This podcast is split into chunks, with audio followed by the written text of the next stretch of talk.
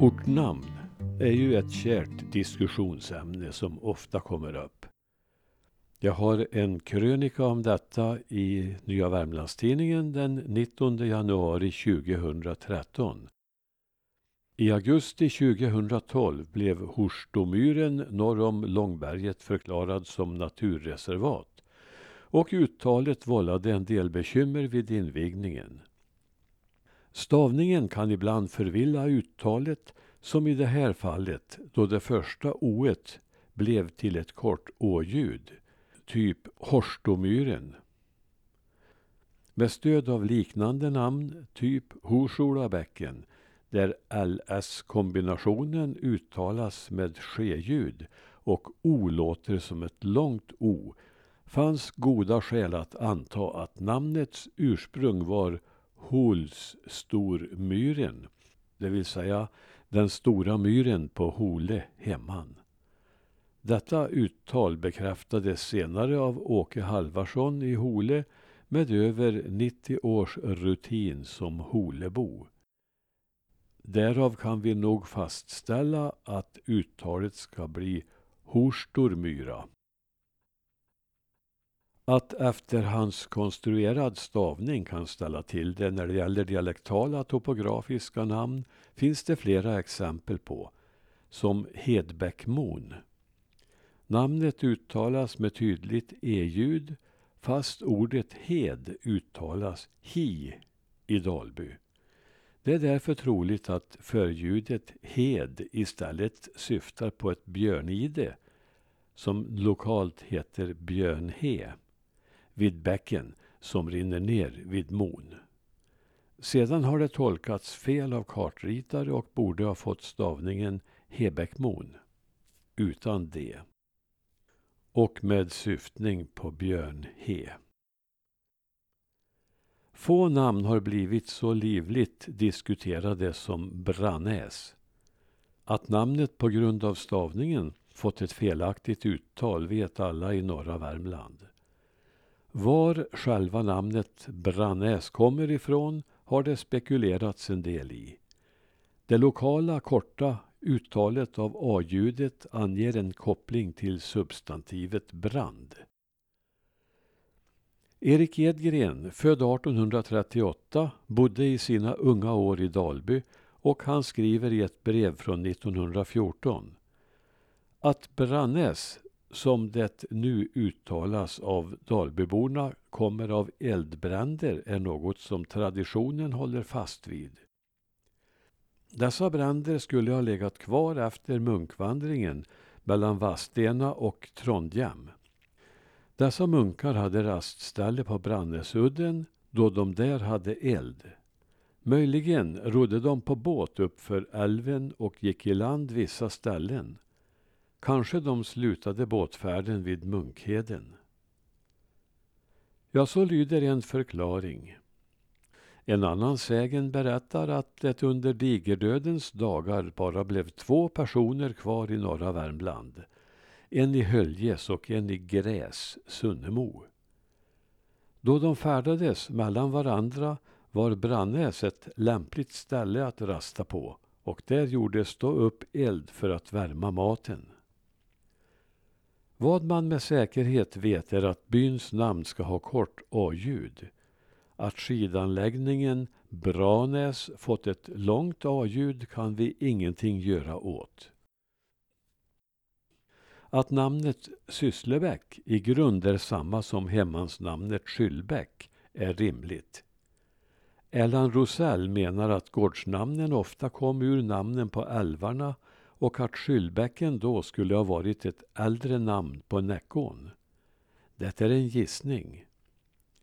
Namnet Skyllbäcken finns däremot belagt i domboken från juni 1714 där det anges som namnet på bäcken som kom ner vid gränsen som skilde hemmanen Slättne och Skyllbäck åt. Detta har gett upphov till förmodan att bäckens ursprungliga namn var Skiljebäcken. Många namn är svårtydda och har mer eller mindre trovärdiga förklaringar. Vingäng, Uggenäs och Tusta är sådana. Namnet fläskremmen kan möjligen syfta på hemmannets avlånga form, men ändå. När hörde man talas om en rem av fläsk?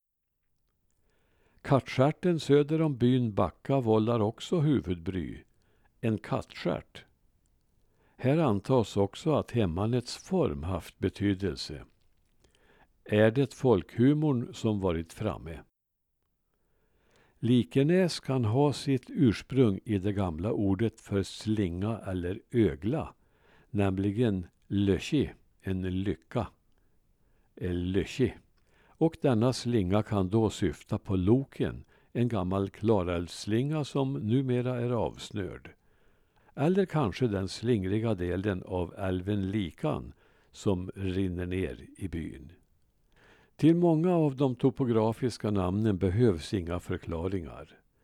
De är ofta helt logiska. De flesta kan nog på ett ungefär tänka sig hur den sten vid Brattmon som fått namnet Käringröven ser ut. Liksom Arsjörs kärr som låg vid sidan av kyrkvägen i Björby. Långav har uppenbarligen fått namnet efter en lång ave, vattensamling, i byns södra del. En lång av. Och Pulshuvudalen i Ransby är en vattensamling i en bäckravin där ungdomar i långa tider haft skridskois och där grodorna ynglat av sig och fött pulshuvuden, eller grodyngel. En blästkärring var en smältugn för myrjärn och en sådan fanns vid Blästkärringbäcken helt nära dess utlopp i Klarälven söder om byn Brannäs. Stora högar med slagg markerade platsen och dess klöckelklumpar lade Brannäsborna i sina spisar för att hålla värmen. Smältugnen ägdes av tre Brannäsbönder och var i bruk fram till 1600-talets mitt. Platsnamn som innehåller personnamn behöver ingen förklaring, som Persby och Ransby efter det gamla mansnamnet Ramn. Kårebol lär ha varit boställe för en tidig kåre och Elindebol, där Elin är en form av namnet Helena, syftar på helgonet Helena av Skövde som finns avbildad i Norra Nykyrka. Hennes koppling till socknen är omdiskuterad. Suffixet stad eller sta i båtstad, alltså Bosta, har inget med tätbebyggelse att göra utan betecknar ett ställe, i detta fall en plats där man hade båten vid älven. Båtplatser längs älven fick namn efter gårdarna som Nässtad, Hockestad, Bergfältstad, Präststad. Namn som slutar på fall är platser där det svedjats, inte bara på Finnskogen. Namnet löp finns på flera platser längs Klarälven, i sammansättningar eller fristående. Ett löp var en brant trädfri sluttning ner mot älven där man släppte eller löpte timret för kommande flottning. Mängder av namn har skapats av tillfälliga händelser. Mesmerbäcken rinner ut i Vingan. En man som kom med messmör från Sätern trillade i bäcken en gång och så var namnet givet. Griskurvan på vägen vid Tåsan fick namnet sedan en grisbil kört av vägen och smågrisarna fritt sprang omkring där. Vid stenhällen Rangelhalla i Mjönäs avled en kvinna vid namn Rangela då hon insjuknat och skulle bäras hem från skogen. Bishiklamma vid Sätervägen från Ljusnäs betecknar två stenar som stör ihop ner till men upp till går isär och bildar en klämma. Där lär en tik, Ebichi, ha fastnat i ett rävdrev. Bak namnet Rövbacken på Kyrkvägen vid Spraggtjärn i Björby döljer sig en lärorik historia hämtad ur Olof Gillhages efterlämnade papper. Enligt sägen var en kvinna från Björbysätern på väg till skogen och när hon gick upp för denna backe fick hon plötsligt höra ett underligt läte bakom sig. När hon vände sig om såg hon en björn som kom lufsande efter henne. Hur gjorde hon nu? Särskilt rädd blev hon inte. Det var ju mer vanligt med björn i början av 1800-talet. Hon vände sig om med ryggen mot björnen, drog kläderna upp över ändalykten och böjde sig framstupa så djupt att hon i den ställningen kunde iaktta björnens rörelse. Här bör påminnas att detta var före trosornas uppfinning.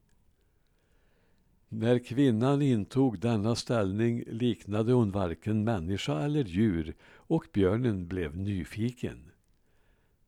Den närmade sig sakta och började snart dra väder och fnysa, troligen av någon behaglig eller obehaglig vittring.